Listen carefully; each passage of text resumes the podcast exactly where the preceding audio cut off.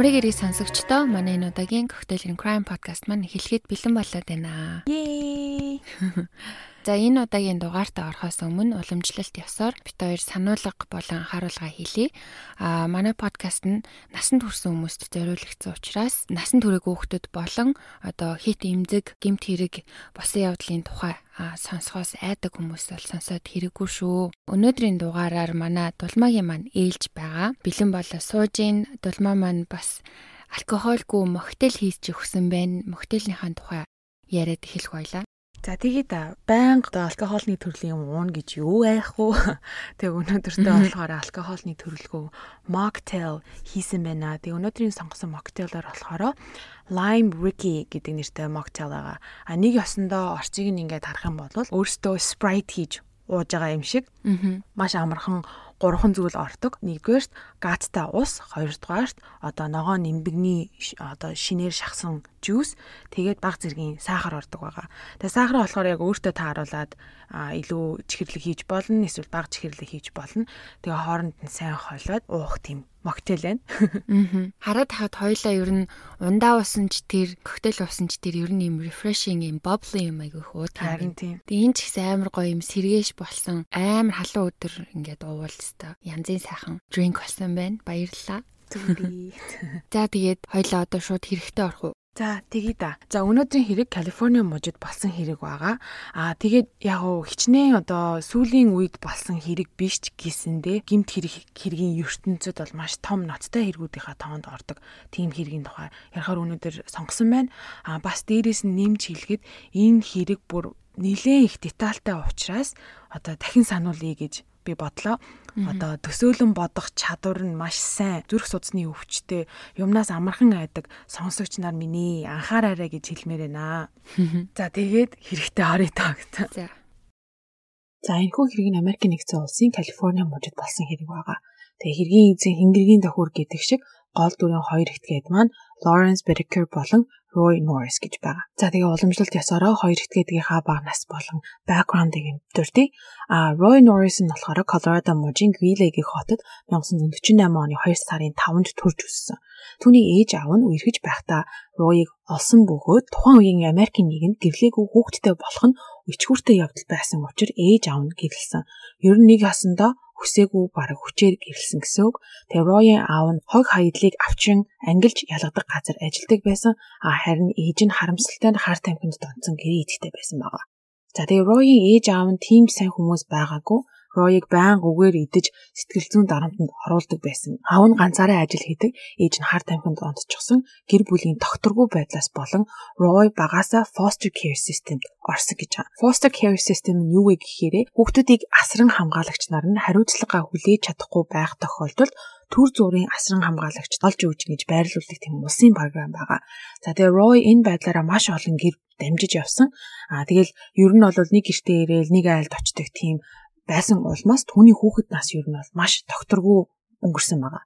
А Ройн хэл сүлд хэлснээр түүний хүлээж авсан зарим гэр бүл түүнийг хайхардгүй байсан бөгөөд зарим нь бүр худлаа ярьж хулгай хийлээ гэж сэжиглээд хоол унд өгдөггүй өмсөх хувцсыг нь хүртэл өгдөггүй байсан тохиолдлуудыг дурддаг. Мөн Рой хэсэг хугацаанд нэг Латин Америк гэр бүлэнд амьдардаг байгаа. Ройн хэлснээр тэр хугацаанд хамгийн анх удаа бэлгийн хүчирхийлэлд өртөж байсан бөгөөд энэ явдлаас болоод Латин Америк хүмүүсийг үзэн яддаг гэдгээ сүлд хэлдэг. Тэр 16 настай байхдаа амиа хорлох гэж оролдож байсан. Учир нь юу вэ гэхээр гэр бүлэрээ хамаатныдаа оцсон бүх. Тохоо үед 16 настай Рой өөрөөс нь хэдхэн насаар ихч хамаатныхаа ихчтэй эвгүй сексийн талаар яриа үзсэн байдаг. Мэдээж тэр ярианд хамаатных нь ихчт нь таалагдаагүй эвгүй санагдаж энэ тухай ээж аавд нь шууд хэлсэн байгаа. Тэгэхэд Роийн аав нь маш ихээр уурлаж гэртээ очиж агаад чамдтай шангичин хүртэнэ гэж хэлсэн байдаг. Тэр оройно аавда зодуулна гэдгээс айсан юм шиг байгаа. Аавынхаа машиныг аван гэрээсээ цугтааж амиа хорлох гэж оролдлогыг хийсэн байдаг. А гисэн хэдий ч цагтаа нарт баригдан буцан гэртээ ирдэг байгаа. А Рой нэг эмэгтэй дүүтэй бөгөөд ээж аав хоёр нь тэр хоёрыг хэр их үсээгүй гэдгээ байнга илэрхийлдэг байсан.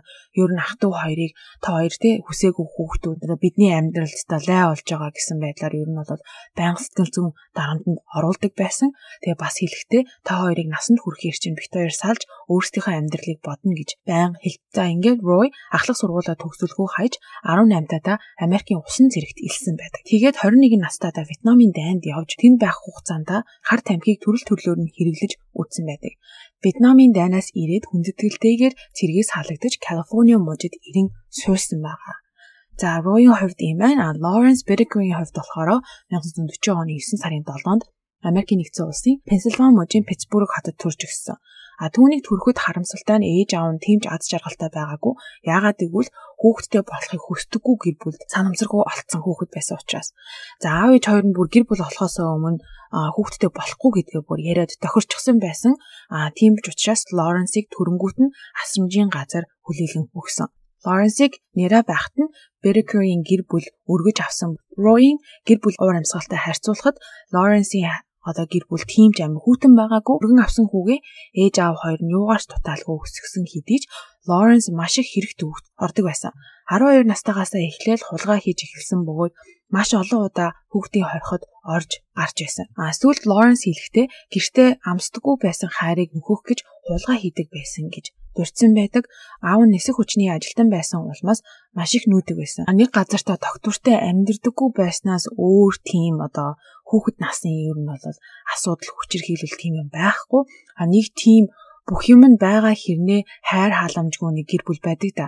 Нэг тийм гэр бүл байсан юм шиг байна. Тэгээ Лоренсийн хувьд өндөр IQ-тэй ч гэсэндээ сургуульд явах дурггүй байсан учраас 17 настай та сургуулаа хайсан бөгөөд удалгүй машин хулгайлсан, хүн мөргөж зүхтаасан гэх хэрэгүүдээр хүүхдийн хорхот орж 18 нас хүртлээр хоригдсан байдаг.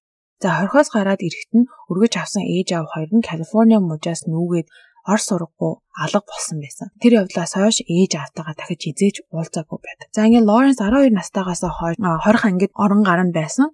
18 наснаас 34 нас хүртлээр 6 удаа айл гэр дээрэмдэх гэж оролцсон. Машины хулгай хийсэн, хүн зодсон гих мэтэр 20 ангийн хаалгыг нилээн хіднээсэн хидийж байнга ялаа гүйцэд идэлгүй суллагддаг байсан. Ингээд 1974 онд дэлгүүрээс мах хулгайлж байгааг нэгэн худалдагч харсан байна. Тэгээд машин руугаа явах Лоренсийг дагаж очиод түүнтэй нүүрлэлсэн байдаг. Худалдагч хэлэхдээ та мөнгө төлөхөө мартчихсан юм уу гэж асуухад Лоренс уурлаад хутаг гарan худалдагч залуугийн зүрхэн тус газарт нь хутгалан унгаадаг. Цухтаа гэж оролцсон боловч ойрхон хавийн хүмүүс түүнийг 20 цагдаанаар түлээлгэн өгсөн. Хутаг худалдагч залуугийн зүрхнээс хэдхэн миллиметрийн зайтай орсон ба аз болж амьд гарч чадсан. За ингээд Лоренс хүний амьд хүрэх гэж заацснаар Калифорни мужийн эрэгтэйчүүдийн 20 ангид орсон байдаг. Роийн гинт хэргийн их усүр гэх юм бол цэргээс халагдсны дараа хар тамхинд орсон бөгөөд гинт хэрэг үйлдэж эхэлдэг байгаа. 26 настайдаа хүчингийн хэрэгт холбогдсон баригдаад удалгүй батлан далтаар гарсан бөгөөд тэр хугацаанд ганцаараа амьдардаг эмэгтэй гэрлүү дайран орохыг завцсан байдаг. Тэр эмэгтэй цагдаа дуудан Роийг барьж авсан хэдий ч дахиад л барьцаагаа төлөөд гараад ирсэн. Энэ явдлаас төд удалгүй Сандиагогийн их сургуулийн оюутан бүсгүйг сток хийж дайрч халтсан байдаг. А энэ эмэгтэйг хүчинсэн үгүй юу гэдэг талаар мэдээлэл байхгүй байна лээ. Харин тэр бүсгүйг чулуугаар зохиж унгааж маш эрсгийгээр зодсон байдаг. Энэ хэрэгээс үүдэн баривчлагдсан сэтгэл зүйчийн оншоор скизод зан чанартай бэлгийн хүчрхийлэгч хэмээгдэн 5 жил сэтгцэн эмнэлэгт хоригдож ял авсан байна. Ялаа идлэн суллагдахдаа 5 жилийн тэнцэндээ гарсан бөгөөд 3 сарын дараа нэгэн эмэгтэй хүчирхийлсэн. Ресторанаас гараад явж байсан эмэгтэй мотоциклороо гэрт нь хүргэж өгье гэж санал тавихад тэр эмэгтэй мэдээж татгалцсан. Юу гэж ингэ танихгүй хүнийг дагаад явах вэ? Гэтэл тэр үед Роийн уур нь хурж эмэгтэй зүүж байсан оролтоор нь хоолойг нь орон модны арт чирэн оруулж хүчинсэн байдаг. Эмэгтэй амиа алдна гэж айсан учраас эсэргүүцэл үзүүлээгүй. Хохирогч эмэгтэй цагдаад мэдгдсэн хэдий ч Роийг барьж авч чадаагүй тухайн үедээ тэр явдлаас сарын дараа хохирогч эмэгтэй гадуур явж байгаа Роийн мотоциклийг танин дугаарыг нь тэмдэглэн авч цагдаад мэдэгдэж Рой баригдан ял хүрсэн байдаг. Ингээд Калифорни мужийн эрэгтэйчүүдийн 20 ангид орсон. За, ингээд 1977 онд Рой болон Лоренс 20 ангид танилцсан. Хоёулаа Калифорни мужийн эрэгтэйчүүдийн 20 ангид байсан учраас эхлээд танилуд байж байгаад жилийн дотор тэдний нөхөрлөл гүнзгийрч ер нь бол бэстүүд болоод авсан. А хамгийн инээдтэй гэх юм нэг сонин санагдсан юм нь болохоор Roy jewelry буюу эмэг бүгд зүйлт хийх тийм хоббитэй. Тэгсэн чинь Lawrence тэрийг нь хийж сурна гэ. Тэгээ Roy Lawrence зааж өгч эхэлснээс тэдний нөхөрлөл ер нь бол гүнзгийч эхэлсэн байгаа. Шоронд байх хугацаанд би биенийгээ бусад хоригдлуудаас хамгаалan маш олон удаа зодоонуудад орж байсан. Тэгээ ер нь бол амар хурдан best friend-ууд болсон байгаа байхгүй. Нөхөрлөл нь дотносоор тэр хоёр jewelry хийхээс өөр бас ижилхэн хоббитой гэдгээ олж мэддэг. А тэр нь юу вэ гэхээр эмэгтэй хүнийг хэр их үзен яддаг талаараа бас эмэгтэйчүүдийг хүчирхийлэх маш их хүсэл сонирхолтой гэдгээ би битэйгээ хуваалцсан. Роийн хувьд хүчндүүлэх гээд айж байгаа эмэгтэй царай түнд хамгийн дээд таашаалыг өгдөг гэж хэлсэн. А Лоренсийн хувьд болохоор хүчингийн хэрэгт хүл дүрээгүй ч гэсэндэ Роийн ярьсны дараа түнд таатай санагдаж төсөөлөн мөрөөдөж эхэлсэн байдаг. А Лоренс Ройд хэлэхдээ хэрвээ би хүчиндэх юм бол тэр эмэгтэйг алж дуусгана гэрч үлдээхгүй тулд гэж яддаг байж. За энхүү балер фантаза байнга ярилцаар байгаад сүүлдээ бүр ингээд төлөвлөгөө болгон хувиргаж суллагдсныхаа дараа би бинээ олон уулзаж охтыг хүчирхийлнэ гэж баг би биэндээ тангараг өргөсөн гэж байгаа. Лоренс 1978 онд суллагдсан бөгөөд Лос Анжелес хот руу нүүн тэнцэнэ суурьшиж механикаар ажиллаж эхэлсэн байдаг. Хичнээн олон найз нөхөд байхгүй ч гэсэндээ амьдардаг хороолол гудамжиндаа танилуд ихтэй байсан. Ажилдаа гарамгай байсан учраас 7 хоногийн 1000 долларын цалинтай ажилдаг байж тэгээ тэр бол одоо 70-аад онд 1000 доллар ч юм бол маш их мөнгө шүү дээ. Одоо хүртэл 1000 доллар чи маш их мөнгө. За тэгээд хуршүүчтэйгээ мөнгө болон машин одоо гэр орны зүйлийг нь засаж тусалдаг. Ер нь бол одоо байн хандаг өгч орон гэргүй хүмүүсийг хоололдог тийм нэг юм сайн сэтгэлтэй хүн мэд харагддаг байсан. А тэгээ Лоренсийн хийх дуртай байсан зүйлүүдээс түүнд одоо хамгийн чухал нь юу вэ гэхээр ойр хавийнхаа өсвөр насны хүүхдүүдийн дунд нэр хүндтэй байх байсан. Баян пив болон хар тамхи хүүхдүүд бүр эмдэн бодлын өрөө авчихсан пари хийдэг. Тэгээ тэр паринда хүүхдүүдийг урьдаг тэгээд хийлэхдээ ингээд найзуудтайгаа ч гэсэн дагуулад иж болно. Арх би уух юм те бүх юм ингээд үнгүү гэд одоо нэг нэсэндээ тэгж сурталчилдаг байсан. За ингээд Лоренсийг суллагдсанаас 3 сарын дараа Рой суллагдаж гарч ирсэн байгаа. Рой суллагдаад сурсан зан сураар ороох биш гэдэг шиг нэгэн сарын дотор өөр нэгэн эмэгтэй хүчирхийснийхаа дараа цүл даваачин хайсан байдаг. Гараад сарын сар гармын дараа Лоренсаас захиа хүлээн авч тэр хоёр төлөвлөсөн ёсороо уулцсан. За ингээд тэдний төлөвлөсөн хэрэг биелээ олж эхэлсэн байдаг. Огтыг хулгайлахын тулд том зайтай машин хэрэгтэй гэж үздсэн тул GMC маркийн Bandura гэдэг одоо van авахар шийдсэн байгаа. Тэр van нь болохоор арын суудалтаа цонхгүй нэг талаараа гүүж онгоодог тийм хаалгатай байдаг. А тэгээ тэр хоёрын төлөвснөр болохоор машинаараа явж байгаад гүйдэг хаалгаа жоохон онгоолгоод октоодтой ойртоод хаалгаа бүрэн жонгоолгох шаардлагагүй гяс аваад машиндаа оруулах нин тохиромжтой гэж тооцсон байгаа. Ийхүү тэр хоёрын 4 жил ботсон одоо төлөвлөгөө нь хэрэгжиж эхлэхэд бэлэн болсон байдаг. Ингээд 1979 оны 2 сараас эхлэн 6 сар хүртэл 20-од одоо замын унаа хүлээж байсан охтуудыг авсан байдаг. Авч одоо гэрт нь хүргэж өгсөн байдаг. За эдгээр охтуудыг хүчирхийлээгүй байдаг. А яагаад вэ гэхээр нэгдүгээр арга барилаа хэрэгжүүлж одоо практик хийж байсан. А хоёрдугаар өсвөр насны охидын итгэлийг олохын тулд машин одоо маш юм найрсаг хандаж гэрт нь асуудалгүй хүргэж өгсөн байдаг. А тэгээ ядж хахад нөгөө 70 70-ад онд ч нь одоо хич хайкинг гэж бүрст амар их байдаг байсан шүү дээ. Хүн болгон зүгээр зам дээр гараал тийм эрхээ ургаагаа залангуудаа замын унаанд суугаад хүрэх газараа хүрчихдэг хүн болгон бие биендээ одоо итгэдэг ч юм уу тийм байсан. Өмнөх дугаарууд дээр ер нь бол бас анзаарсан бах хүн дээр үеийн 70-ад оны хэрэгүүд бол ер нь охтууд юу хиймдээ итгээд те гэрт нь хүргэж өгч ингээд машинд нь суугаад маш олон гинт хэрэгтнүүдийн юу болох юм дэ өгөөш болж исэн байна. Тэрэн шиг энэ охтуудын байдыг ашиглаад Roy Lawrence хоёр Лос Анжелесийн тэр хаваарх эмгтээчүүдийн итгэлийг олж авахын тулд ямар ч асуудалгүй гэрт нь хүргэж өгдөг байсан. Тэг хүргэж өгөхдөө дандаа ингээд ундаа хуу, пив уу, тэг ингээд өвс татав гэл ингээд амар тийм залуучуудын дуртай хийхийг хүссэн зүйлийг ингээд өгдөг байсан. Тэгээд хэрэг үйлдэхдээ хаана үйлдэхээр хайж хүний хөлөөс хол газруудыг ирж хайсан бөгөөд Лос Анжелес хотын хойно барилах ууланд байх хаалттай одоо хашаатай бүсийг олж авдаг байна. Хашааныхын цоожийг нь тасалж эвдлэн өөрсдийн цоожийг хийсэн. Нэг ясандаа бол тэр газрыг ингээд өөрсдийн болгоод авцсан. За ингээд машин бэлэн болчихлоо. Хаашаа дагуулж явахаа ингээд бүх юм ингээд бэлтчихлээ. Тэгээд хэрэгээ үлдэж эхэлсэн байдаг. Тэдний хамгийн анхны хохирогч бол Lucinda Schaefer гэдэг 16 настай охин байсан. А Лоренсийн мэдүүлснээр тэр өдрөө машинда ор болон хэрэглэх зэвсгүүдэд бэлдэж эрэлт гарсан. Өглөөний 11 цагаас их хайж эхэлсэн бөгөөд оройны 7:45-ын үед Люсенда охин сүмээс гарч явж байхыг тэр хоёр харсан байдаг.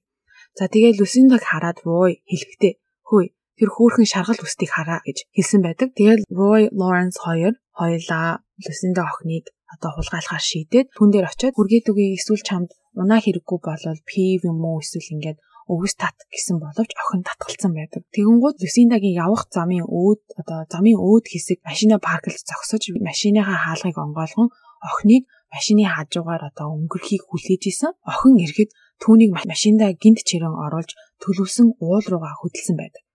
За охины орилох дууг далдлахын тулд радиога хамгийн чанга дээр нь 50 тийшээгээ тавьсан. За Лоренсийн мэдүүлснээр охин эхлээд айн сандарч орилж байсан хэдий ч одоо өөрийгөө барин уйлхоо болж бие цэгнж эхэлсэн. Өөрт нь юу тохиолдох гэж байгааг мэдэж одоо хувь тавилантайгаа эвлэрсэн аятай байсан гэж сүлдөрцөн байдаг. За ингээд тэр хоёр охиныг ээлжлэн хүчинсэн. Охин тэр хоёроос би өгөхгүй гэж асуухад үгүй гэж хариулахад охин хэрвээ та хоёр намайг алах бодолтой байгаа бол өгөхөөс минь өмнө залбирахыг минь зөвшөөрөөч гэж гуйсан байдаг. А гисэн хідээж охинд залбирах завшаа олдоогүй.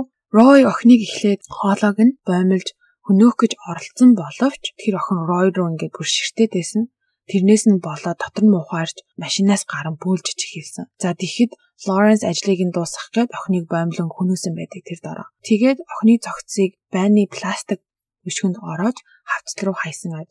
Рой хэлэхдээ цогцсон ингээ олдвол яах вэ гэхэд Лоренс чи санаа зовлтгүй амьтад идээд устгах чинь гэж хэлдэг байна. За тэгээ Лусинда охины хөнөөснөөс 2-7 хоногийн дараа хоёр дахь охирогч болох Эндрия Холл 18 настай бүсгүйтэй тааралддаг. Хурдны зам дээр замын унаа одоо хайгаад эрхийн уруугаа гоцоолгоод явж байхад нь тэр хоёр таарсан. Бас дээрэс нь яг тэр хоёрыг ирээд бүсгийг хүргэж өгье гэхэд нь бас өөр нэг машин хурж ирэн гутаа хүргэж өгье гэж санал болгосон байдаг. Эхлээд Эндрю бүсгүй нөгөө машиндаа суун одоо далайн эрэг рүү явсан хэдий ч Лоренс Рой хоёр даган араас нь даган явсан байна. За ингээд далайн хэрэг дээр очиод Энжи бүсгүн замд машина парклан одоо эрхийг нь хүлээдэг байгаа. Рой машины ард орон нуугдаж Лоренсийг ганцаараа явж байгаа мэт урд суулгасан. Тэгээ Лоренс сонхороо бүсгүйд хүүтэн ундаа уух уу миний машины ард байгаа хүсвэл пивч байгаа гэсэн одоо нэрийдлэр бүсгүйг машин руугаа ойртуулж чаддаг. Тэгээ бүсгүй машины араас ундаа авах гад өнгийхэд Рой түүнийг зулгаагаад машиндаа оруулна тэр хоёр Энжви охиныг хулгаасан. За ийхүү охиныг нөгөө ууландаа аваачин ээлжлэн хүчирхийлж эхэлсэн бөгөөд бүсгүй хүчирхийлсний дараа хүчээр одоо позлуулан Polaroid зурагнууд авсан байдаг. Лоренс хэлэхдээ Роиг чи архинд яваад иргээд явуулдаг байгаа. Роиг буцаад хүрээд ирэхэд Лоренс ганцаараа зогсож байсан бөгөөд хоёр шиг зураг гарандаа гэрчсэн байсан. Сүүлд Рой мэдүүлснээр тэр охины харцнаас гүн айдас харагдаж байсан гэж хэлсэн. А Роиг ирэхэд Лоренс аль хэзээний бүсгүй хүнөөсөн байсан бөгөөд Ройд хэлэхдээ би тэр охинд хэллээ л дээ. Би чамайг одоо ална. Чи өгөхийг хүсэхгүй байгаа бол яагаад амьд байх те шалтгаанаа надад хэл гэж хэлсэн гэд яриад инээсэн гэж аа. Охиныг доогөлж доромжилсны дараа түүний чих рүү ice pick буюу одоо мөс хагалдаг юм том твэн шиг зөвлийг хийн зоож түүний тархийг гимтээсэн. Тэгээд нөгөө талынхын чихэнд нь бас зоон оруулсан бөгөөд бүр ишийг нь хугартал дээрээс нь дивсэж яасан гэж байна. Ингэснийхаа дараа Лоренс охиныг бүр мөсөн дуусныг шалгаж хоолойг нь боомлсон бөгөөд өмнөх хохирогчийн адил хавцал руу шидэн цогцсыг хайсан байна. Төд удалгүй хэдэн сарын дараа 3 болон 4 дахь хохирогч болох Жаки болон Жаклин гэх хоёр охиныг олж авдаг байгаа. 79 оны 9 сард буюу одоо сүүлийн хэрэгээс 2 сарын дараа автобусны буудал дээр суугаа хоёр охиныг олж хардаг байгаа. Тэр хоёр охин нь болохоор Жаки болон Жаклин байсан. За тэгээ охтыг хүргээд үгүй гэхэд охид дуртаяа зөвшөөрсөн байдаг. Машинд ороод увс татахгүй гэхэд тэр тэр хоёр ч гэсэн зөвшөөрсөн. Машинд нь ороод гутлахгүй хүргэж өгөхийг хүссэн газраас өөр газар руу явж байгааг анзааран буухыг хүссэн хэдий ч мэдээж тэр хоёр зөвшөөрөөгүй. Жаклин гих 13 настай охинд нэгэд эвгүй санагдаад хаалга онгойлох гэж оролдоход Рой түүнийг толгоорон зохин ухаан алдуулж унгаасан. Тэгээд түүний найз болох 15 настай Жаки охиныг охины гар хөл амийг нь боож эхэлсэн байдаг. Тухайн үед Жаклин охин сэргэж дахин зүхтаах гэж оролдоод машины хаалгыг онгойлгож одоо гарч чадсан хідээж гараал бараг нэг одоо нэг хөлөө газар тавиал Рой араас нь татаад авчихсан. За тэгээ Лоренс тухайн үед жолоочийн суудалд сууж байсан бөгөөд ойр хавийн хүмүүс болж байгаа зүйлийг харах маш их бололцоо байсан учраас машина парклаад арагшаа орж охтыг Ройтой хилэн зодож одоо хүл гар амийг нь боосон байд. За ийхүү охтыг буулгаж аваад нөгөө ууланда аваачин 2 хоногийн турш хүчирхийлсэн. Тэр хугацаанд маш олон Polaroid зураг авч мөн дүрс бичлэг болон аудио бичлэг хүртэл одоо кассетын дээр буулгаж хийсэн байдаг. Лоренс Жаки охиныг хүчрхийлж байхдаа бичлэг хийсэн бөгөөд тэр бичлэгэн дээрээ одоо ингэ нэг юм зохиомжтой заяо хамаатныхаа жаахан охиныг хүчрхийлж байгаа мэт жүжиглэж тэгж битсэн бичлэг байсан. А Жаки охиныг бүр жүжигл чи одоо ингээд ойрол тэгж ойрол гэж бүр загинжсэн байгаа. Аа тэгээ Лоренс тэр бичлэгээ хийснийхаа дараа Жаки охиныг цээж хөх тус газар нь тэр нөгөө мөсний хутгаараа зоож зугаагаа гаргаж байсан бөгөөд нэг хүүхний товчийг нь хүртэл юм багшиг багжаар дүүлэн тасалсан байв. Тэгээд 15 настай Жаки охиныг хоёр дахь хохирогч Энжуя шиг чихрүүн мөсний хутга чигсний дараа баймалж хүнөөсөн. А харин 13 настай Жаклин охиныг хүчээр машинаасаа түлхэж гаргаснаа. Чи онгон үлдмээр байна гэлөө.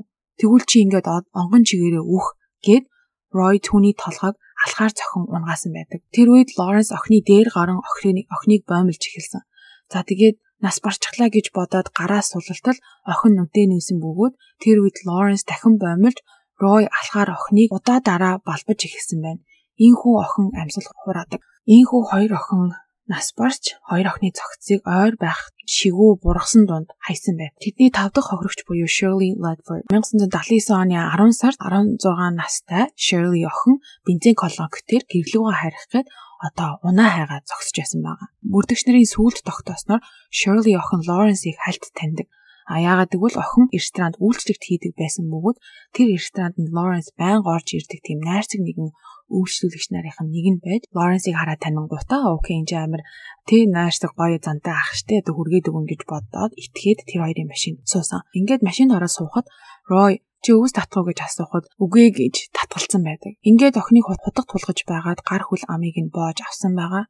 За тэгээд эхлээд Лоренс машинаа байраа явж ийсэн аа тэр хоёр байраа сольж Лоренс машины ард орон охиныг цодож ихэлсэн. Тухайн үед охин тэгж амар одорлж хашгираагүй тул Лоренс уурлан дуугараач орилож хашгираач гэж бүр одоо илүү уурлан илүү асаж охиныг зодож эхэлсэн байдаг. Мөн охиныг орилоход Лоренс яасан бэ чи орилох дурггүй гэж үгих мэтэр шоол инээж эхэлдэг. Охин орилоо хашгираад битгий надад битгий хүр гэхэд Лоренс бахан хаанаж илүү ихээр охиныг зодож эхэлсэн. Охиныг бахаар зодож тарчлагаа зогслгүй мөн тэр бахийг ашиглан хүчрхийлсэн байдаг. Энэ бүхний талаар яг юу гэж хэлсэн бэ, яасан бэ гэдгийг яаж мэдж байгаа бэ гэхээр Lawrence Shirley-г тамлах гэж машины ард орж ирэхдээ аудио бичлэгийг хийж эхэлсэн учраас охины таарчлах, орилох, гуйх бүх одоо явцсан тэнцээ бичигдсэн байдаг. А бичлэгийг сонсоход Lawrence төрөл бүрийн багж хэрэглэж байгаа нь юу нь бол тод сонсогддог ингээл юм авч шийдээл дахиад өөр нэг юм ингээл төмөр хоорондоо дуграал өөр нэг юм авангууд охин ингээл ойрлол битгий гэж бичлэг нь байдгийн байлээ. Тэгээ тэр бичлэгийг ингээд сонсоход Лоренс хэлэхдээ хэрвээ чи ойрлохгүй бол би чамайг яаж хийж агаад ойрлуулна гэж хэлдэг байгаа. Shirley охин өөдөөс нь чи намайг зохихоо болж тэгвэл би өөртөө хүснээр чи ойрлж хашгирч үгүй гэхэл Лоренс төр зөр зохихоо байсан байдаг. Тэгэнгүүт Shirley Лоренсийн хүснээр бүр хамаг хүчээрээ чангаараа бүр хит хитэ удаа орилдог байгаа.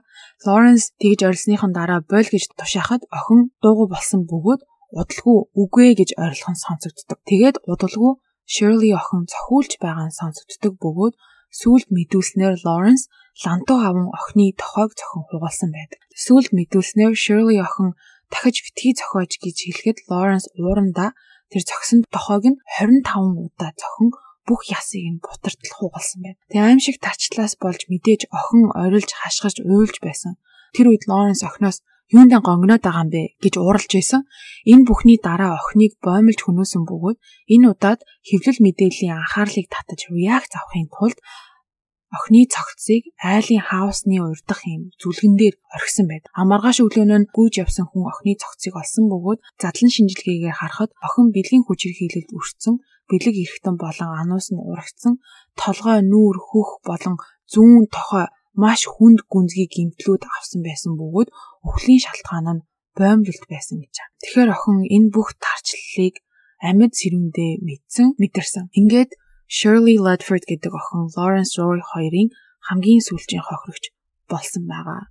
За яаж азар одоо хамгийн сүүлийн хохирогч болов азарч гэжтэй яаж ийм хүү одоо тэр хоёрын байлаар энэ тарчлал одоо энэ амир хэрцгий явдал зогссон бэ гэхээр 1979 оны 11 сард Roy Joseph Jackson гэх хорих ангид танигдсан найзтайгаа уулздаг бөгөөд хийсэн хэргийнхаа талаар бүр бахархалтай нарахгүй ярьсан байдаг. Жозефт хэлэхдээ бүр хүмүүс нь таван охтууд хаанаас олж авсан, яаж олж авсан, яаж тарчлаан зовоож хөнөөж хүчрхийлсэн тий бүх зүйлээ бүр детальчлан ярьсан байдаг. А бас дээрээс нь таван хохирогч дээр нэмэгдээд гурван өөр хохирогч байгаа гэдгийг бол бас мэдгдсэн. А нэгийг нь болохоор зүгээр хүч идчгээ тавиа явуулсан. Нөгөө хоёр нь болохоор Аз бол цутаач чадсан гэж Жозефт хэлсэн байдаг. Жозеф нь өөрөө бас тэнцэнгээр гарч ирсэн тул хамаагүй хэрэг төвөгт одоо холбогдож болохгүй. Тийм учраас тэгээ иймэрхүү мэдээллийг нуун дарагдуулах нь зөвөө яах вэ хэмээн өөрийнхөө хуульчаас зөвлөгөө авдаг байгаа. Тэгтэл мэдээж өмгөөлөгч нь цагдаад мэдэгдэх хэрэгтэй гэж зөвлөдөг. Иймхүү Жозеф цагдаагийн байгууллагт холбогдсон одоо энэ бүх зүйлийн татаар мэдүүлэг өгсөн. За мэдүүлсэн хэрэгүүд бүгд үнний ортой тэр дороо илэрсэн нь Roy Lawrence хоёрын хөнөөсөн охтууд ор сургуу алга болсон охтуудтай таймлайн буюу гэдэг цаг хугацааны хувьд бол яг таарч байсан. Мөн тэр одоо хүчирхийлчгээ тавиад явуулсан гих нэг эмэгтэй нь болохоор Robin Robick гих бүсгүн хэрэгтэй яг таарсан байгаа. Жозефиг цагтаад ирж одоо энэ мэдүүлгийг өгөхөөс 2 сарын өмнө буюу 9 сард Робин гих эмэгтэйг хоёр цагаан арьс эрэхтэй гинэт гарч ирэн нүүрэнд нь нулимс хасгаруулагч цацсан цацсан машин руугаа чирч орсон. Тэгээ хоёулаа ээлжилж хүчирхийлж байгаад тавиад явуулсан бай. За мэдээж тухайн үед цагтаад мэдгдсэн хийдэж хэрэгтнүүдийг барьж авч чадалгүй өдий хүрсэн. За Робин бүсгүүд хэргийг үлдсэн байж болзошгүй этгээдүүдийн зургийг үзүүлэхэд Рой болон Лоренс хоёрын зургийг шууд хараад л таньсан байдаг. За ингээд Жозефийн тусламжтайгаар Рой Лоренс хоёрыг мөрдөж баривчлах үйл ажиллагаа эхэлсэн байдаг. Хэдэн хоногийн турш ажилласны эцэс 1979 оны 11 сарын 20-нд Лоренсийг дэм буудалд байхад нь Ройг далайн эрэг дээр өвс зарж байхад нь баривчилж авсан байдаг. За хоёулангийн баривчилсны дараа Робин бүсгүүд лайн ап буюу одоо талны цаанаас зогсоож байгаад харуулхад харамсалтай нь тэр хоёрыг хоёулангийн таниагүй буруу одоо зааж өгсөн байдаг. А гисэн хідээж хоёулаа биедээ хар тамхи авч явсан мөн дээрээс нь тэнсэнгийн гэрээгээ зөрчсөн байсан учраас хоёулангийн одоо саатуулсан баг. Саатуулж байх хугацаанд тэр хоёрын гэрээг болон машиныг нь шалгадаг. А Лоренсийн гэрээг нэгчгэд нөгөө авч байсан Polaroid зургнууд нь гарч ирсэн. А хэрэгүүд болсон гол газар бол машин. За машинаас олцсон нотлох баримтуудаас дууртахад тэдний хэрэглэж байсан алах, лантуу, бах гих мэт бүх багчнууд болон цагдаагийн радиог яаж олд сонсох вэ гэдэг тийм зааварчилгаа ном хамгийн гол нотлох баримт болох Shirley охины охиныг одоо тарчлааж буй аудио бичсэн кассет олцсон байна. Лоренсийн байсан буудын өрөөнөөс долоон төрлийн шилтэй маш хүчтэй хүчлүүд олцсон. А тэр хүчлүүдийг дараагийн хохирогч дээрээ хэрэглэхээр завдаж байсныг нь сүүлд илрүүлж авдаг. Роийн гэрээс 500-аад ширхэг охид бүсгүүчүүдийн Polaroid зураг олцсон бөгөөд зургийг нь харахад охид юусоо энэ зургаа авахулж ин гэсэн мдэггүй байдалтай хат авсан зургнууд байсан. А ихийнх нь далайн хэрэг дээр зарим нь Лоренсийн амьдрах хорооллын ахлах сургуулийн сурагчид байсан байгаа. Олцсон нотлох баримтуудаас хамгийн чухал зүйлсийн нэг нь болохоор хамгийн сүүлд амиа алдсан Shirley охины зүйлд Роийн гэрээс олцсон. За баримтлагдсанаас 10 хоногийн дараа шүүх хурал эхэлж Роёс эхэлсэн байдаг. Эхлээд ямар ч хэрэгтэй холбоогүй би юу ч мэдэхгүй гэж зүтгэж байсан хэдий ч хангалттай олон нотлох баримт гарч ирсэн тул баг багаар хэрэгээ хүлээж эхэлсэн байгаа. За хэрэг үйлчлэгтээ ер нь Лоренс толгойлогч байсан. Тэр охтыг хөнөөсөн гих мэтээр хурууга жижилж эхэлсэн. Гисэн хэдий ч маш их нотлох баримт мөн гэрч байгаа учраас хоёулаа үнээ хэлж охтыг яаж олж авдаг байсан, яаж хүчрхийлж тамалж зовоож хөнөөснөө бүр детальчлан мэдүүлдэг байгаа. Тэгэд хоёулангаас нь энэ зүйлийг яг яах гэж хийсэн юм бэ? Та хоёрын одоо гол зорилго юу байсан юм бэ гэж асуухад хоёулаа for fun гэж хэлсэн байдаг. Юу гэсэн үг вэ гэхээр зугаа гарах гэж хийсэн. Тим өвчтэй юу вэ? За тэгээ Roy мэдүүлснээр Лоренс хохирогч болгон дээр илүү мэрэгшиж мөн хүчирхийлэлт тамлалт гүнзгийрсээр байсан. Тэгээ шүүх хурал эхэлж хамгийн сүүлчийн хохирогч үнэхээр Shirley байсан гэдгийг нотлохын тулд тэр кассетийн шүүх хурал Shirley-гийн ээж нь сонссон байдаг. Тэгээ айлын ганц хайртай охин байсан нь бүр үнэхээр харамсалтай. Тэгээ тэр бичлэгэн дээр уйлж байгаа нь бүр маш тодор сонсогддог. Тэгээ сүулдэ Shirley охин хоёр намайг зүгээр алчих төхүү гэж бүр гуйж уйлж байгаанаас амар зүрх шимширмээр бүр амар сонсогддог. Шүүх хурлын явцд болохоор энэ кассетыг энэ Roy Lawrence хоёр одоо юу гэж тайлбарлсан бэ гэхээр зүгээр бит хоёр нэг нэг бүсгүйтэй тэгээ Shirley биш өөр нэгэн бүсгүйтэй гурлаж яасан юм аа. Наад чинь бол тийм одоо зодуулж тарчлалт байгаа эмэгтэй хүний дуу биш наад чинь харин тэг хоёр эрэгтэй хүнтэй унтаа таашаал авч байгаа эмэгтэйн дуу гэж тайлбарлах гэж оролцсон байдаг. Гисэн хідэж тэр нь бол угаасаа ойлгомжтой худлаа байсан. За тэгээ гэрээс нь олцсон 500 зургуудаас 60 эмэгтэй хин гэдгийг нь тогтоож эрүүл эрүүл саруул байгааг нь илрүүлдэг байгаа. А харин 19 эмэгтэй алга болсон хүмүүст бүртгэгдсэн байсныг илрүүлсэн хэдий ч яг Roy Lawrence хоёрын гарт амиа алдсан уу одоо яасан ийсэн талаарх тийм мэдээлэл нотлох баримт харамсалтай нь олдоогүй байгаа. А Roy болохоор хамгийн түрүүнд ер нь бол шалтаа бож бүх юм бүх үннээ хэлсэн. Тэгээд тэр хэлэхдээ цагдаа нарыг одоо цогцож байгаа газруу дээр аваачиж үзүүлье гэж зөвшөөрөн одоо дагуулж явсан байна. Октын цогцыг ирэхэд эхний хоёр хохирогчийн цогцыг олж чадаагүй ч хоёр найз байсан Жаки болон Жаклины арга ясыг одоо олсон байдаг. Жаки хөнөختөө чихрүүн мөсний хутга хийж тарчлаасан гэж дурдсан. Тэгээд охины цогцос одоо арга яс нь олдоход гавлын ясанд тэр мөсний хутга нь стил золттой байсан гэж аа. Золттой байсан. Мөн Жаклиныг Рой толгойд нь удаа дараа зохин хөнөөсөн Хөнөөс нь гавлын ясны одоо цоролтоос харагдсан. За ингээд 1980 оны 5 сарын 7-нд Roy Norris-ыг 4 удаагийн 1-р зэрэглэлийн хүн амны хэрэгт, 1 удаагийн 2-р зэрэглэлийн хүн амны хэрэгт, 2 удаагийн хүчингийн хэрэг болон 1 удаагийн дээрэм гэсэн хэрэгүүдэд буруутай гэж үзэн хамгийн доод тал нь 45 жилээс насаараа хоригдох хүртэл ял өгсөн байдаг. А Ройн тэнсэн харгалзах цагтаа хэлэхдээ Рой хүнийг өрөвдөх, хайрлах боломжгүй. Хизээч нийгэмд буцаж орох нийгэм шиг боломжгүй бөгөөд миний учирсан хамгийн галзуу сошиопат хүн гэж дүгнсэн. А Лоренс Берекерийн хувьд болохоор шүүх хурал 91 оны 1 сард альбан ёсоор эхэлсэн бөгөөд түүний эсрэг мэдүүлэг өгсөн гол гэрчин best friend Roy нэсэн. Roy болохоор plea bargain буюу хилэлцээрт хүрч цаазын ял надад өгөхгүй гэвэл би оронд нь Лоренсийн эсрэг гэрч болъё гэсэн байдаг. За ингэснээр Лоренсийг 5 удаагийн 1-р зэрэглийн хүн амны хэрэгт 2 удаагийн хүчин 3 удаагийн хууль бус гар буу авч яасан гих хэрэгүүдэд буруутай гэж үзэн цаазаар авах ял оноосон. А Лоренсийн цаазаар авахлах өдөр нь 1989 оны 12 сарын 29-нд байсан боловч даван заалтаж гомдол гаргасаар байгаад хит хитэн удаа хойшлуулж чадсан байгаа. Мөн хоригдож байхдаа 40-од удаа 20 ангийн эсрэг гомдол гаргаж шүүхэд дуудц гэж байгаа. Тэгэд бүр солиотой заяа бүр одоо гомдол гаргасан юм нь болохоор надад бутарсан жигмэг өглөө. Энэ сандвич чинь тий хоорондоо наалтахгүй байна. Энэ бол миний эрүүл бүтэн хоол идэх хүний эрхийг зөрчиж байна гэж солиорч тэдрийг одоо шүүх дууцсан байвал вэ? Хүчтэй юм чинь. За тэгээ ингэж явсаар агаад Лоренс Берекер 2019 оны 12 сарын 13-нд байгалийн жамаар 79 наснда амьсгалахаар асан. А харин Roy Norris нь 2020 оны 2 сарын 24-нд байгалийн жамаар 72 наснда нас орсон баг. Тэгээ Roy сүлд хэлэхдээ надад хүчин хийх таалагддаг байсан. А харин хүн алхан Лоренсийн дуртай зүйл би түүнээс айдаг байсан болохоор л үгийг нь дагаж бүх зүйлийг хийсэн гэж одоо хүн өгтлээ ярьсан байдгийн билээ. А Лоренсийн шүүх хурал дээр ажилласан прокурор хэлэхдээ туулж ажилласан хамгийн амар хэрцгий хэрэг байсан бөгөөд хэрэг шийдсэний дараа би бүр 2 3 жил хартаарч зүүдэлсэн. А зүүдэнд нь октод Лоренсийг дагаад машин руу н орох гэж байдаг. А тэднийг аврахын тулд тэр прокурор гүгээд л байдаг. А гисэн хэдий ч хизээж амжиж очиж аварч чаддгүй Лоренсийн машин суугаад яваад өгдөг. Тийм байдлаар амар олон жил хар тарч зүүдэлж бас сэтгэл зүйд нь маш их нөлөө үзүүлсэн байдаг байдаг. А бас дээрэс нь хэргийг хамгийн анх хүлээж авсан мөрдөгч энэ хоёрын хийсэн хэрэгээс улбалан сэтгэл зүйн өөрчлөлтөнд орж 39 наснда амиа юу гүйтгсэн бэ? Амиа хорлохоос өмнө захаа бичиж үлдээсэн байдаг 10 хуудас тэр захаан дээрээ Roy Lawrence хоёрын хийсэн хэрэг миний сэтгэл зүйд маш их нөлөөлсөн. Тэгээд энэ хоёрыг суллагдаж гарч ирээд дахиад ийм хэрэг хийх үедээ гэхээс айснаас болж би сэтгэл зүйн гүн готролд орж амиа хорлох болсон талаараа бас битсэн байд. За тэгээ нэг иймэрхүү хэрэг байна. Маш ийм одоо хэрцгий детальтай бас дээрээс нь урд нь ярьж исэн шиг те хүүхдийн хүмүүжил ямар их чухал юм бэ? Ээж аавын анхаарал хайр бас ямар амар чухал юм бэ гэдгийг бол надад дахин сануулсан хэрэг гэж би бодлоо. Зарим сонсогч нар тэгдэгдээ энэ хоёр ингээд нэг юм хоёр алуурчнаа ингээд өмөрөөд байгаа юм шиг юм ярих юм аа гэд.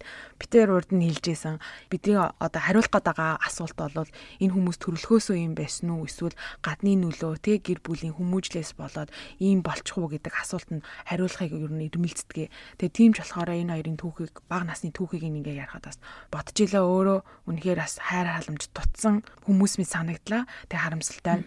ялангуяа Лоренс IQ сайтай амар ухаатай гэсэн мөртлөө буруу зам руу явсан харамсалтай санагдлаа. Тэгээ бас дээрээс нь бүр хүнээс гарч чадхааргүй одоо төсөөлөхөөргүй аимшигын тарчлаан зовоолт санаа бодол яаж гарч ирсэн байна гэхээр бүр амар аимшиг. Ер нь ойрд сонсоогүй муухай детальтай эвгүй хэрэг миний хувьд боллоо.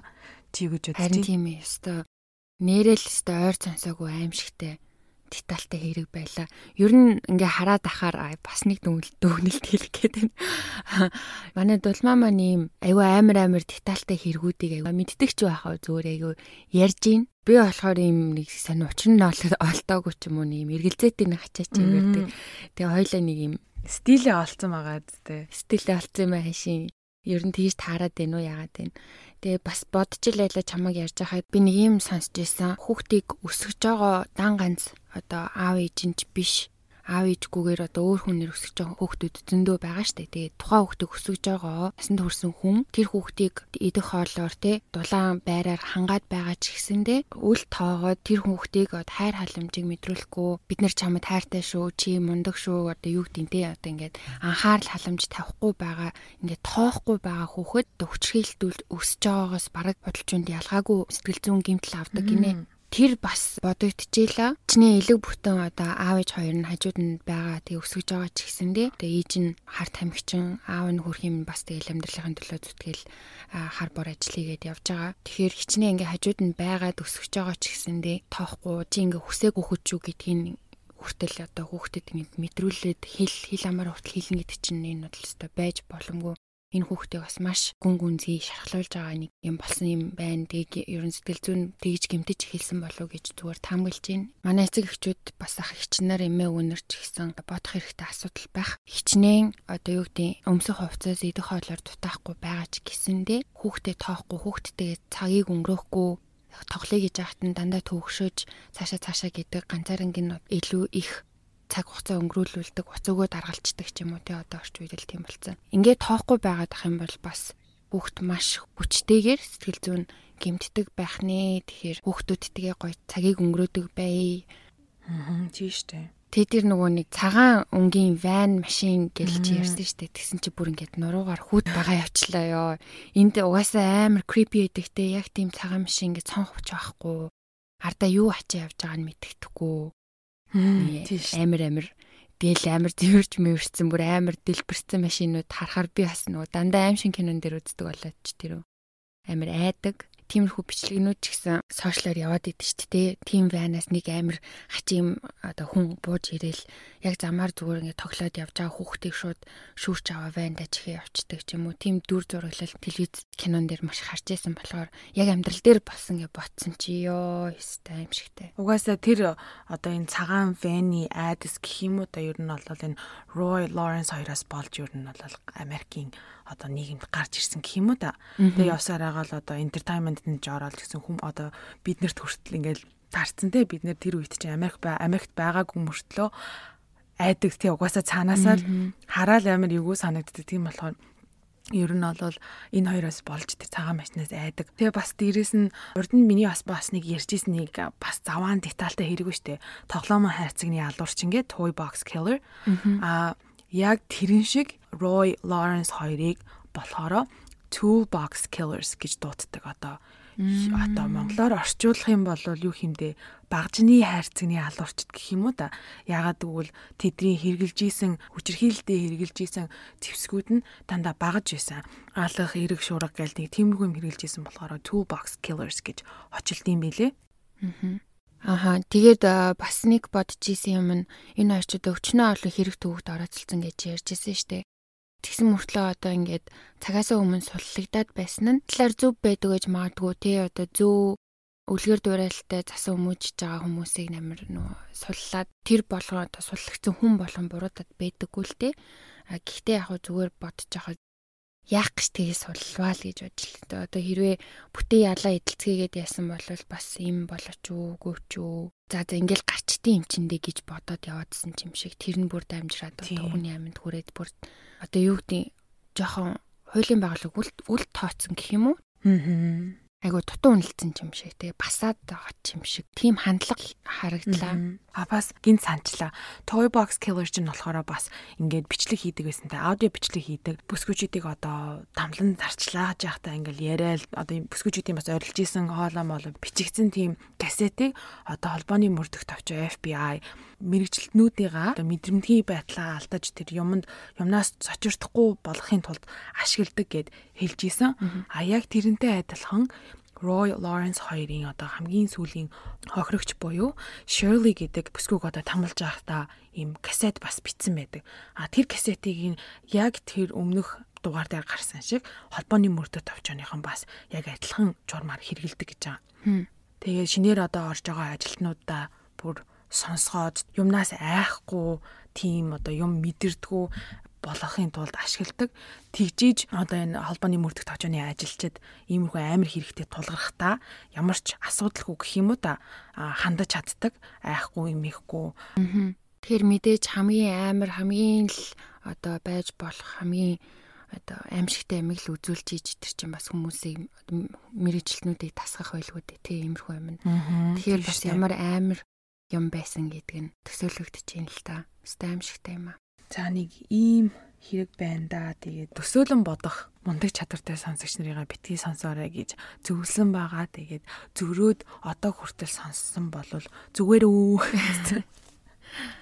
Аа. Надаа бол яг бас уншаа сууж байхад эвгүүлээлээ. Йоо ингээд ядж байхад бас нэг юм төсөөлөн бодож уншдаг болохоор тэр ингээд чихрүү нафтер кийсэн мийсэн гэсэн чи юу шүүд ингээд тархи руу хатгаал ирсэн заа бүр амар. Тэгээ тэр бүр энэ Лоренс нэг балаар амар боронктой бүр дээр нь гарч ингээд дивсэж мивсээд бүр ишийг нь хугартал дивсчихсэн гэж аахгүй нэг бүсгүн толгой дээр бүр аим шигтэй. За тэгээд ойрд яриаггүй юм амар детальтай хэрэг байна. Төгөө. Аа. Йоо амар халагдсан уу гэхин цаашийн амар эвгүй болоод ингээд хамаг би ингээ физикли ингээ өвхөрцөн сууж ийн би одоо яг одоогийн байдлаар. Одоо босч тэнийж гарч агаар салхи амьсгалж мартида энэ ярьсан юм чи. Тийг тийг тийг аа орой мөрөв сонссны хэрэггүй дугаар болчлоо дугаар хэлэхээс өмнө юу хэлэхээс буцаж очиж.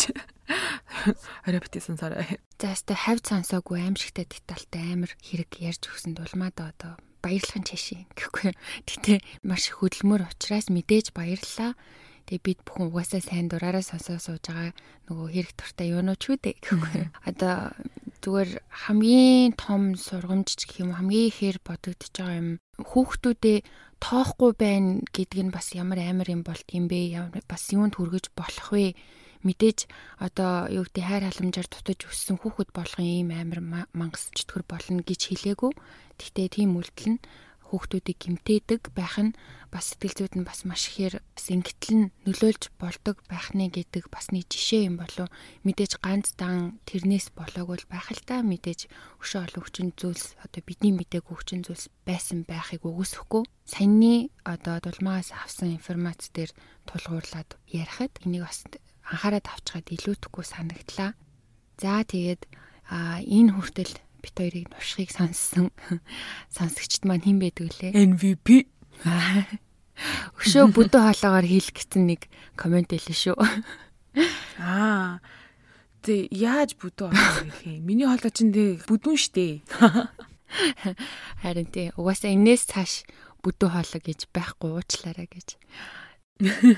За тэгээд бидний хийж байгаа юм таалагддаг бол мэдээж YouTube хуудсан дээрээ subscribe дараарай. Хэрвээ Apple Podcast дээр сонсож байгаа бол 5 5 юм уу 4 юм уу мэдгүй тэгээд хүснээр одоо өгөөрэй. Бас энэ хэргийн тухай хэдүүлээ доор comment section-д болон групптэй ярилцгаая. За тэгээд дараа дараагийн дугаар хүртэл түр баяртай. Bye.